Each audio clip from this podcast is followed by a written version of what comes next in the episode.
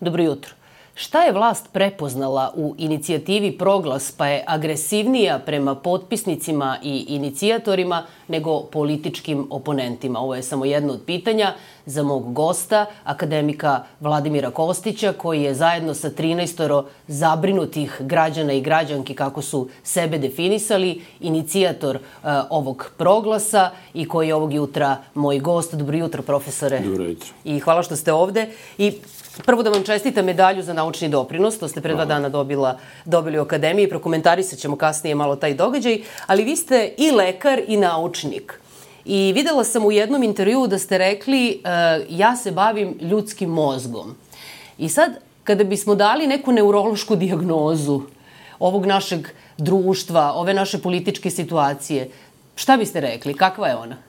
Pre svega ja sam neuropsihijatar, dakle jedna od onih redkih, redkih životinja koje je prostala iz prošlosti kada je to bila jedinstvena psi, mm. uh, specializacija, tek posle toga se ona podelila.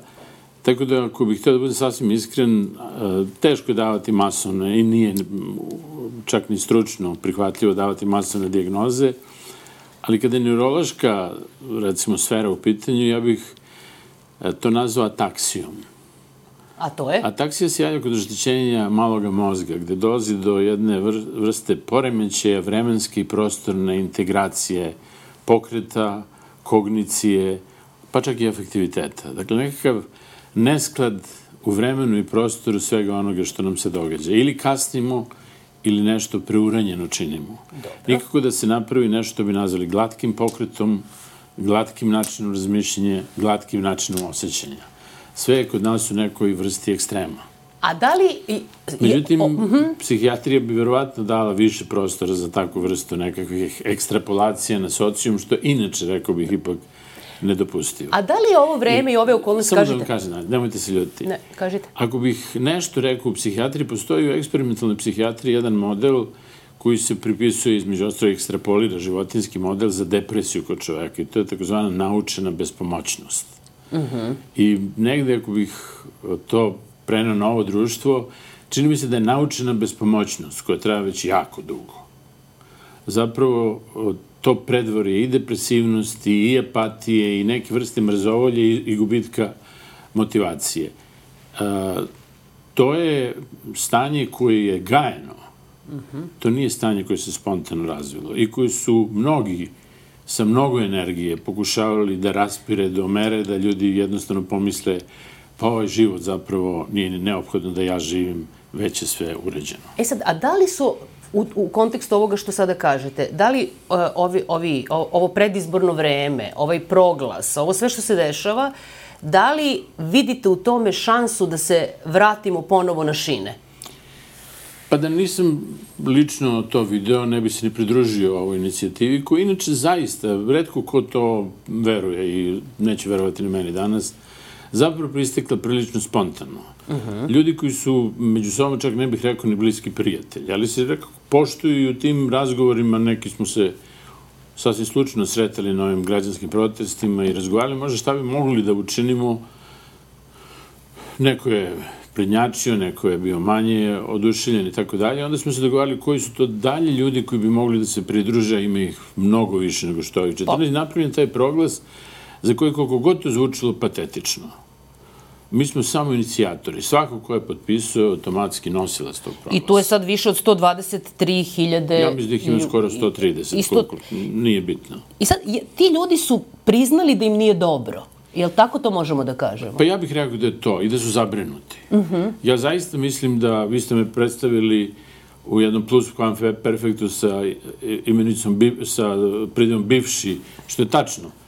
Ali ja sam aktualni... A to je funkcija. Ali ja sam aktualni penzioner i aktualno zabrinuti građanin. Prema tome, ja mislim, šalim se. Da, da, da. Ove, ja mislim da su oni svi hteli da kažu ljudi, pa i mi se brinemo. Da, i sad... I hteli bi u meri u kojoj je to moguće, a moguće, duboko sam uveđen da neke stvari ipak uzmemo u svoje ruke. U redu. I to ćemo, o tome ćemo pričati. Ali, e, videla sam vaš autorski tekst e, u Ninu o razlozima zašto ste to potpisali, ali nije mi dovoljno lično. Ja, šta, šta ste u suštini, kako da kažem, koji su najličniji vaši motivi bili da ovome pristupite? Iskreno, da. imam pet unuka, dve unuke i tri unuka. To su pet osnovnih razloga. Uh -huh. Strašno bi sebično, kao jedan mali sebični starac, želeo da trenutku kada ispuštam dušu, držim ruku jednog od svojih unuka ili unuka. To mi je bio motiv. Da. Želeo bi da oni ovde žive. I da žele da ovde žive. Ne da bi držali dedu na samrti za ruku, nego da bi posle toga mogli da se raduju svojoj deci i svojim unucima. Evo. I niko, ov, nemam ja drugi važniji razlog od toga. Mm -hmm. uh, a koji je preduslov da oni ostanu? Pa normalnost. I sad, e, evo mi kažu u režiji da je 103, preko 133.000 ljudi već, već to potpisalo. Oni kažu nije nam dobro, e, treba nešto, treba nešto promeniti. I to je iskazivanje jedne vrste hrabrosti imajući u vidu ovo što se dešava u javnosti, u Minskom polju, kako ste to nazvali javnosti, jednom prilikom prema, prema sudi Majiću, prema Draganu Bjelogrliću, prema drugim inicijatorima ovog, ovog, ovog proglasa. E, da li na drugoj strani pada u vodu ta hrabrost kada dođemo do toga da niko neće prostor da vam iznajmi? Da poštari odustaju od e, protesta jer im prete? Dakle, kakva je ravnoteža u hrabrosti i strahu u ovom trenutku? Pa ja se sećam uvijek Aldous Huxley rekao ovaj, da društvo ne čine prometeji, nego skupljači maraka i ljubitelji kanarinaca. Uh -huh. I ako mene pitate, ja sam recimo bio iznenađen brojem potpisa, a onda sam se postidio tog iznenađenja. A šta vas iznenadilo? Pa iznenadio me broj. Uh -huh. Ali kažem, posle me bio i stid, malo jer sam u sebi osetio jednu vrstu pretencioznosti, pa čak i moralne superiornosti na tim ljudima, na šta nemam pravo. I odmah da vam kažem, ako mislite da sam ja nešto posebno uradio ovim potpisom, ne. Ne postoji ni jedan deo emocija tih ljudi i strahova koji u jednom periodu nisam i sam prošao.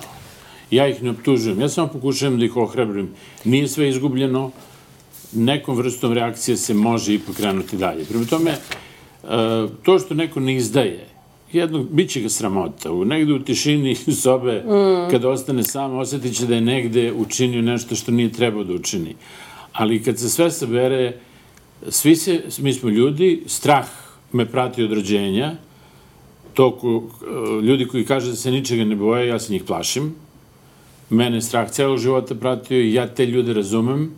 Samo postoje trenuci kada treba pokušati da se iz tog straha plašeći se izvučemo. Zašto? A da li ulaz... Samo, samo kažete. Šta je to? Prvo smo napravili fobiju toga da smo maltene na celim izborima praćeni, pa ne postoji takva tehnologija. Gospodo, u jednom trenutku ostajete sami, u jednoj kutiji najčešće kartonskoj, koja ne liči ni na šta, by the way, i zaokružujete nekakvom olovkom jedno ime. Za početak, to je prvi građanski da. korak.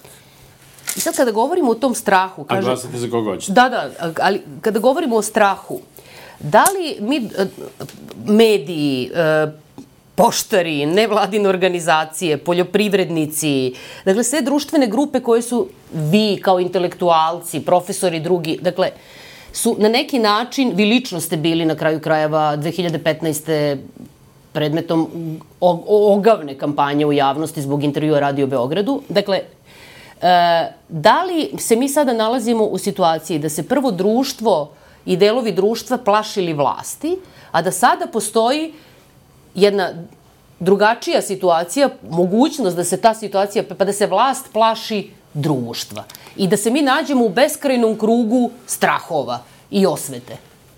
Vlast koja plaši narod se već u tom samom začetku plaši sama. Uh -huh ne bi inače imala posebnog razloga da plaši narod. U svakom slučaju, ovo što ste sami rekli od 2015. godine, ja sam do izvesne mere ipak utupeo. Nije to bilo 2015. godine. Ja sam posle toga bio napadan i za intervju koji uopšte nisam dao. 2021.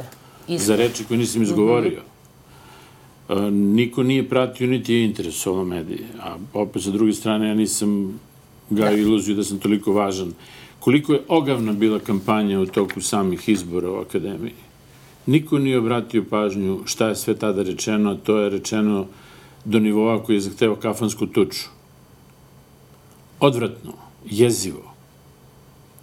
Nikog nije interesovalo. Ali, samo, samo, uh -huh. I u okviru tih optužbi, recimo, vi ste izgovorili vi intelektualci. Ja nikad za sebe nisam rekao da sam intelektualac. Nikad.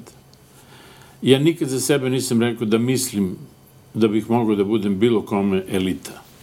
A to je bio, recimo, jedan od napada, gotovo jedan od najvažnijih političara u zemlji, da smo mi pseudo-intelektualci, mm -hmm. pseudo-elita, koja ne razume taj bezubi, krezubi svet. Pa izostanku zuba u Srbiji, pretpostavljam da sam dao čak i veći doprinos od nje, nije to takmičenje u manjku ali... zuba, ali hoću da kažem, nemoj ona meni da priča.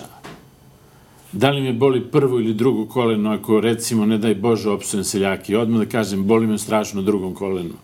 Ja sam bliži njima, da. nego što sam političkoj eliti. Ali, profesore, kako, vi, kako ste lično doživeli ili kako lično doživljavate tu sad poziciju uh, Vučićevu, predsednika Vučića? Malo čas ste pomenuli pseudo-elita, lažna elita. To mi čujemo iz svih SNS krugova, tabloida i tako dalje, pa i od njega smo to čuli, a onda dođe posle osam godina u Akademiju nauka na ovu svečanost gde ste vi dobili medalju i onda kaže da su akademici vrhovni sveštenici hrama nauke, pa se govori o znanju, nauci, značaju nauke, e, značaju duhovnog koji je iznad materijalnog.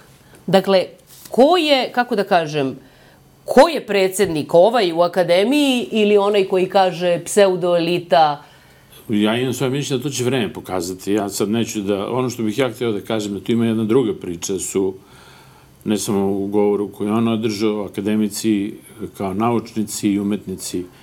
Akademici u malim zemljama, kao što je naš, moraju da budu i ono što se zove javni radnik.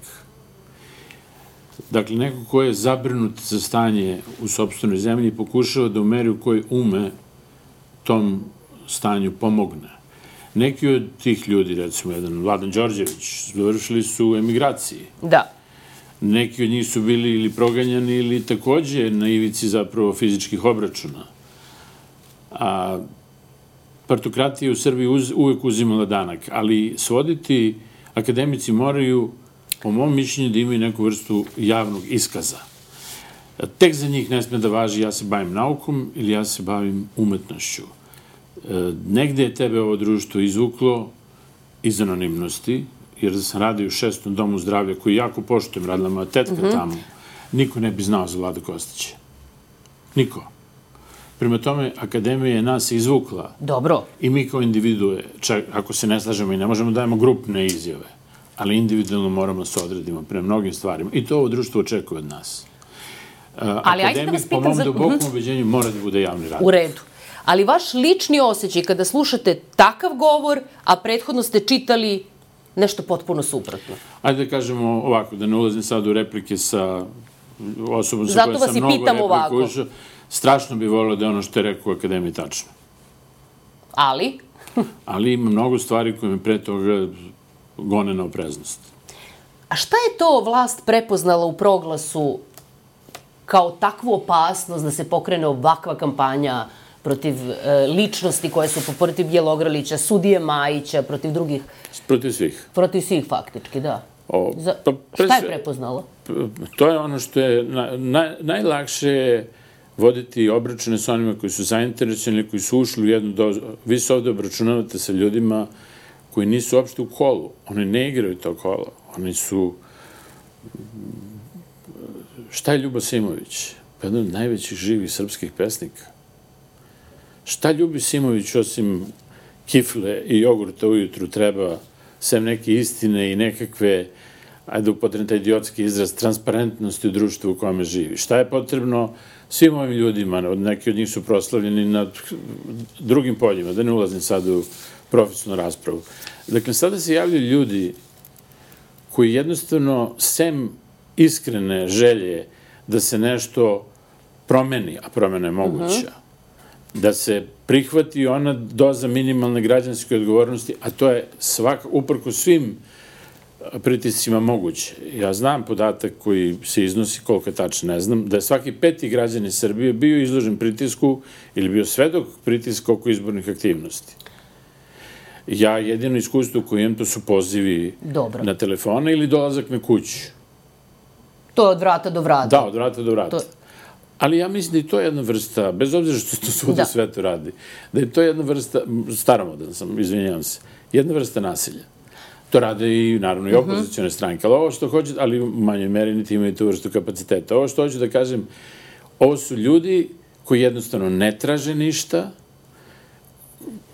baš ništa, koje je teško da možete sada potkupiti, ako ih hoće da kažu svoje mišljenje. Dobro. Sa takvim ljudima vi nemate instrumente manipulacije. Ne znaju šta će sa vama. Tako je. Šta sad, šta sad ovi hoće? Ali, e pa to, šta hoćete, ne takmičite se. Kažete ja neću da ulazim u izbornu... Šta hoće? Pa ono što sam i napisao u tom uh -huh. Ninu kome, normalnost. Uh mhm. -huh.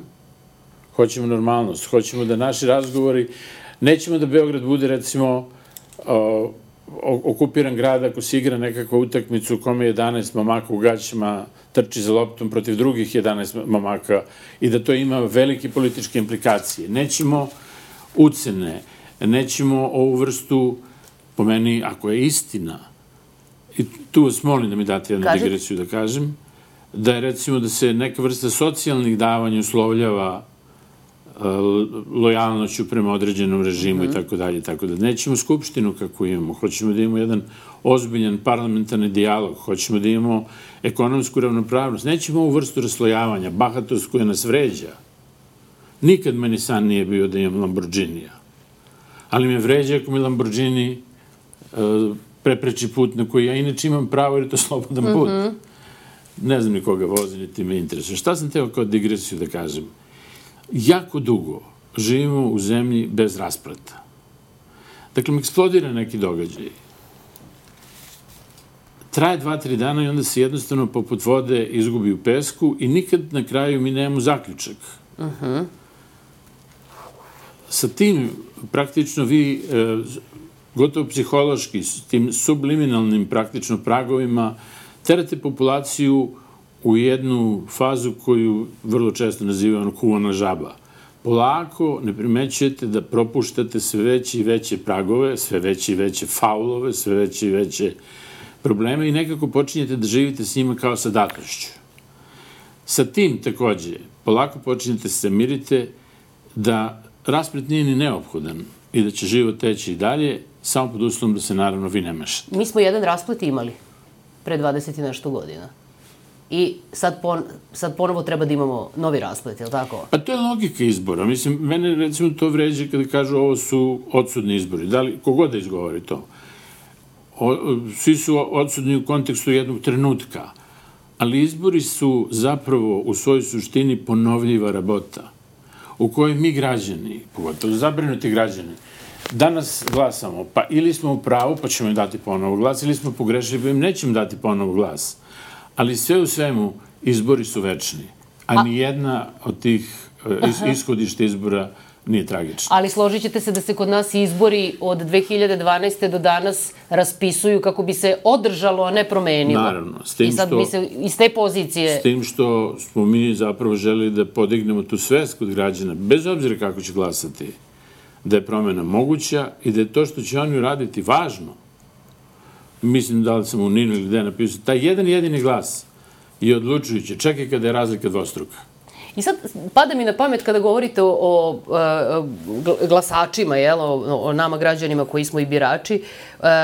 u jednom intervju mislim da je to bilo 2022. novo i kada su čitaoci birali predsjedničke kandidate, pa jeste vi bili jedan od četvorice na koje su računali, onda su vas intervjuisali i vi ste tada rekli da ne želite da se bavite politikom, da bi se, parafraziram sad, bavljanje politikom je bilo kao slon u staklarskoj političkoj radnji i da vi ne mislite da biste bili uspešni, da niste, Bog zna kako, uspešni ni kao glasač. Šta je uspešan glasač danas? Pa uspešan glasač je po meni onaj koji e, zapravo definiše sam sebi vrlo jasne e, elemente koji ga upućuju da glasa kako glasa, a da sa druge strane u komunikaciji sa svojim prijateljima, strpljivo slušajući šta oni govore i u sposobnost da i sam promeni mišljenje, uspeva da im objasni zbog čega je ono što on radi zapravo u tom trenutku bolje nego što rade oni drugi. Uh -huh. e, prema tome, glasanje nije samo bacanje tog listića, nego jednostavno u razgovoru pred prodavnicom, u razgovoru za vreme futbalske utakmice, u razgovoru pri slučajnom ispijenju kafe s prijateljima. Mi smo hteli da pozovemo ovo društvo, dajte, molim vas, porazgovarajte između sebe, definišite svojim čulima, a ne e, medijskim porukama, da li vam je dobro ili ne, da li želite nešto bolje. Nije sve ni u sferi, što kažem, materijalnog, da. ni u sferi duhovnog, nego u tom amalgamu. Da li živite u društvu u kome vi osjećate neku vrstu lagodnosti? Ta lagodnost podrazumeva, naravno, čitav niz elemenata. Ali taj razgovor je opet nužni početak. E, nemojte, da. samo, samo da kažem mm -hmm. jednu polurečenicu. Prvo pokušajte da vidite, a to nije od, sko, od skora, to je davno, da ljudi koji razgovaraju u kafani kad hoće nešto da kažu, pogledaju levo ili desno sa izvestnom opreznošću da ih neko ne sluša. Ne, izgovorite to što imate, pa neće vas valjda Možda i hoće, ali mora se rizikovati. Pa, pa to, je, to je suština. Evo sad poštari neki odustaju od protesta jer im država preti. Država je jača. Ja ne, Ostaće bez posla. Ja ne znam sve elemente tog razgovora, ali bih strašno voleo da mi neko kada kaže da su oni pod uticajem ovog ili onog objasni jednog mladog čoveka koji govori na televiziji, koji ima troje dece i ima 55.000 platu. To me podsjetilo na plač jedne moje medicinske sestre, istinu jednom ranijem, drugom režimu, protiv koga smo u svoje vreme dosta, i, barem ja sam bio tada angažovan, koja je plakala jer nije mogla svojoj čerci da kupi neko voće koje je dete želelo. Ja to i dan danas imam u podsvesti. Ja, nažalost, e, ne mogu da kažem da sam uvek imao sluh, jer sam uh -huh. živao ipak jedan privilegovan život i bio sa boljim primanjima. Sada, u ovom trenutku, recimo, kad analiziram, to sam rekao u jednom intervju, znate da nema tog nekog akademijskog dodatka koji nam omogućava da kupimo neke knjige, ovo ili ono, da neka članstva svoje obnovimo. Pa jedan deo naših akademika koji rade po institutima bi bio na, na ivici praktično egzistencije. Neko će reći pričaš gluposti. Ne pričam gluposti. Da, ali se sad postavlja onda pitanje kako u takvoj zemlji se prima priča u zemlji, kako je rekao profesor Jovanović u utisku, šunke, čvaraka i slanine se prima priča o jeftinom parizeru. Pa nije se primila, ona je, nemojte sada da... Pa, A mi imamo pola Srbije do kog ne dopirete. E, to je tačno i to je deo priče koja je po meni suštinska. Za, da, jednostavno, taj zatvoreni medijski prostor ja nisam mnogo verovao u te priče, dok nisam, recimo, pošto letujemo tako pa odete negde u neki hotel po nekoj planini, sad vi shvatite da na tom televizoru ne možete da uvatite ništa sem dve ili tri eventualno nacionalne, drugih vesti nema. Nema. Ja mislim da je ovo jedan medijski mrak koji se mora probijati. Mm -hmm. E sad, Neki mi kažu da sam beskreno staromodan, da to više nije ni pitanje televizije, ni pisanih medija, da postoje drugi modaliteti. Ja, nažalost, bojim se da neću učestvovati u tim novim modalitetima. I sad hoću da vas pitam, e, u, u, u tom tekstu u Ninu, gde ste obrazlagali zašto ste potpisali o, o, ovaj proglas, između ostalog kažete da će biti promašaj, malo smo to i dotakli, ako se energija usmeri na pojedince koji personifikuju nepodnošljivu e, društvenu zbilju, već je potrebna sad skraćujem tu, tu, to vaše objašnjenje, zapravo promena, promena izbornog, promena zapravo sistema uh, u, kome, u kome živimo. I sad, koji je put ili koliki je put, ako je deset godina urušavan sistem, kakav god da je bio on pre toga, krhak i ovakav i onakav, koliko treba da se on vrati? Pa, ja, ja sam tu dosta raskrećen, da tako kažem. Recimo, mnogo godina, ja imam utisak da je Srbiji potreban uh, gotovo polukorak da krene u pravcu nekakve normalnosti. I nikako da taj polukorak napravimo. A šta je polukorak? Strane, pa pre svega mi moramo da definišemo sistem institucije. Institucije koje će biti nezavisni, koje će vršiti svoju funkciju. E, ja moram da kažem da lično osjećam gotovo kao uvredu kada pojedini politički činioci, pre svega, naravno, predsednik Vučić, ali sada slušam i ne, kažu ja, ja ću dati, ja ću učiniti, ja ću odlučiti. To je jedan a, poraz institucija.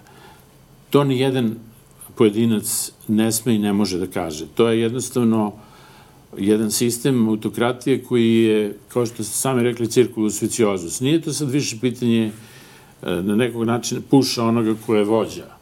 I oni koji ide za njega guraju u tu vrstu usamljenosti. Guraju u tu vrstu, ako kažete, voluntarizma u odlučivanju. Da bi oni sami sebe, slepo sledeći vođu, jednostavno oslobodili sami sebe od odgovornosti, od inicijative, od bilo čega što bi morali da rade na mestima, pa konačno i od pokazivanja kompetentnosti. Nije to prvi put. Pa nije. Ali e, to da u ovoj zemlji jednostavno poslušnost više ne bude jednostavno ona preporuka koja nekome donosi uspeh, e to je recimo jedna e, to se može na neki način sprečiti kompetentnim institucijama koje će raditi svoj posao i imati svoju, da tako kažemo, unutrašnju inherentnu kontrolu onoga što se radi. Čak i zakona koji ne mora da nam budu simpatični. Dobro. Dakle, e, to je ono što je e, pričao i Bjelogrlić i, i profesor Jovanović utisku kada su rekli da treba da, i ne su samo oni naravno, da se spreči, da se ponovi ova situacija. Apsolutno. Dobro da, je, da jedan čovek faktički podredi... Apsolutno. Mi gotovo kao da imamo neku vrstu strašne, konf, neurotične konfliktnosti u potrazi stalno za nekakvim vođom. Za onim strašnim, e, strašnom rečenicom još od Pašića zna Baja šta radi. Ma nikada Baja ne može da zna tačno šta radi ili ne zna sve šta uh mhm. -huh. radi. I ja sam i za ove stvari koje se dešavaju, pogotovo za onaj najneurologičniji problem koji naravno ne bih danas volio da posebno u ovoj stravičnoj situaciji u kome se nalaze naši zemljaci na Kosovu govorim, ali e, za jednu participaciju, to je i pre svega za parlament, za parlamentarne i neparlamentarne stranke, za svu pamet Srbije da pokušamo da definišemo šta hoćemo i kuda idemo. Jedan čovek to ne može da urade. I sad, da li je, mislite da je moguće to da su ovi izbori početak tog definisanja ili ćemo ponovo da se vrtimo u... Pa ja se nadam da će neku vrstu ipak podeli vlasti ili makar svesti i oni koji su na vlasti da ne mogu na ovaj način više da nastave doneti. Ako ne, mi idemo u zapravo susret nečemu što više će izmaći kontroli, što ja ne bih volio. Naravno, nisam više sklon bilo kakvim revolucijama, što će izmaći kontroli nekakve rekao bih, demokratske procedure. Da. Mada su i oblici iskazivanja kada se udariju za zid koji imaju element protesta, bunta, takođe deo demokratskog procesa, ali se bojim da sa ovako podeljenom Srbijom taj protest može da ode u pravcu koji više niko ne može da pre predvidi. I još odavno, kada su me neki moji prijatelji sa kojima sam se malo ideološki razišao, ali koje poštujem, rekli, ka, šta priča Kostić, kakva podeljena Srbija, ja i dalje stojim, Srbija je podeljena i bojim se da se inicijalna energija nasilja i agresije koja se pojavila na ovim prostorima na kraju ove nesrećne Srbije ne posuvrati na, među nas same. I, Toga me je strah. Da, moramo da završimo. Imam samo poslednje pitanje, kratko. Koji su najveći dometi uh, vašeg optimizma u kontekstu ovih izbora? Šta biste rekli da bi najviše dometno? Pa ne bih, stvarno ne bih hteo da uh -huh. da li se dobije, ne znam, ovaj grad, onaj uh -huh. grad. Najveći domet bi bio ako bi građani shvatili da njihov glas ima smisla, da njihov angažman ima smisla. Dobro. I da se vredi boriti za normalnu buduću Srbiju. Profesor, hvala što ste bili gosti. Između ostalog, da, izvinite. Da, kažete. Sa opomenom da će ovi ostati ili otići sasvim sve jedno. I oni koji će ostati i oni koji će doći posle njih. Će ti građani i prema njima imati isti takav odnos kritičnosti i strepnje. A i strepnje će izaći akcije. Hvala. Hvala, Hvala što ste vam. bili gost e, emisije za Vesti televizija 1. Bio ovo profesor e, akademik Vladimir Kostić. Ostanite i dalje uz Novi dan. Prijatno.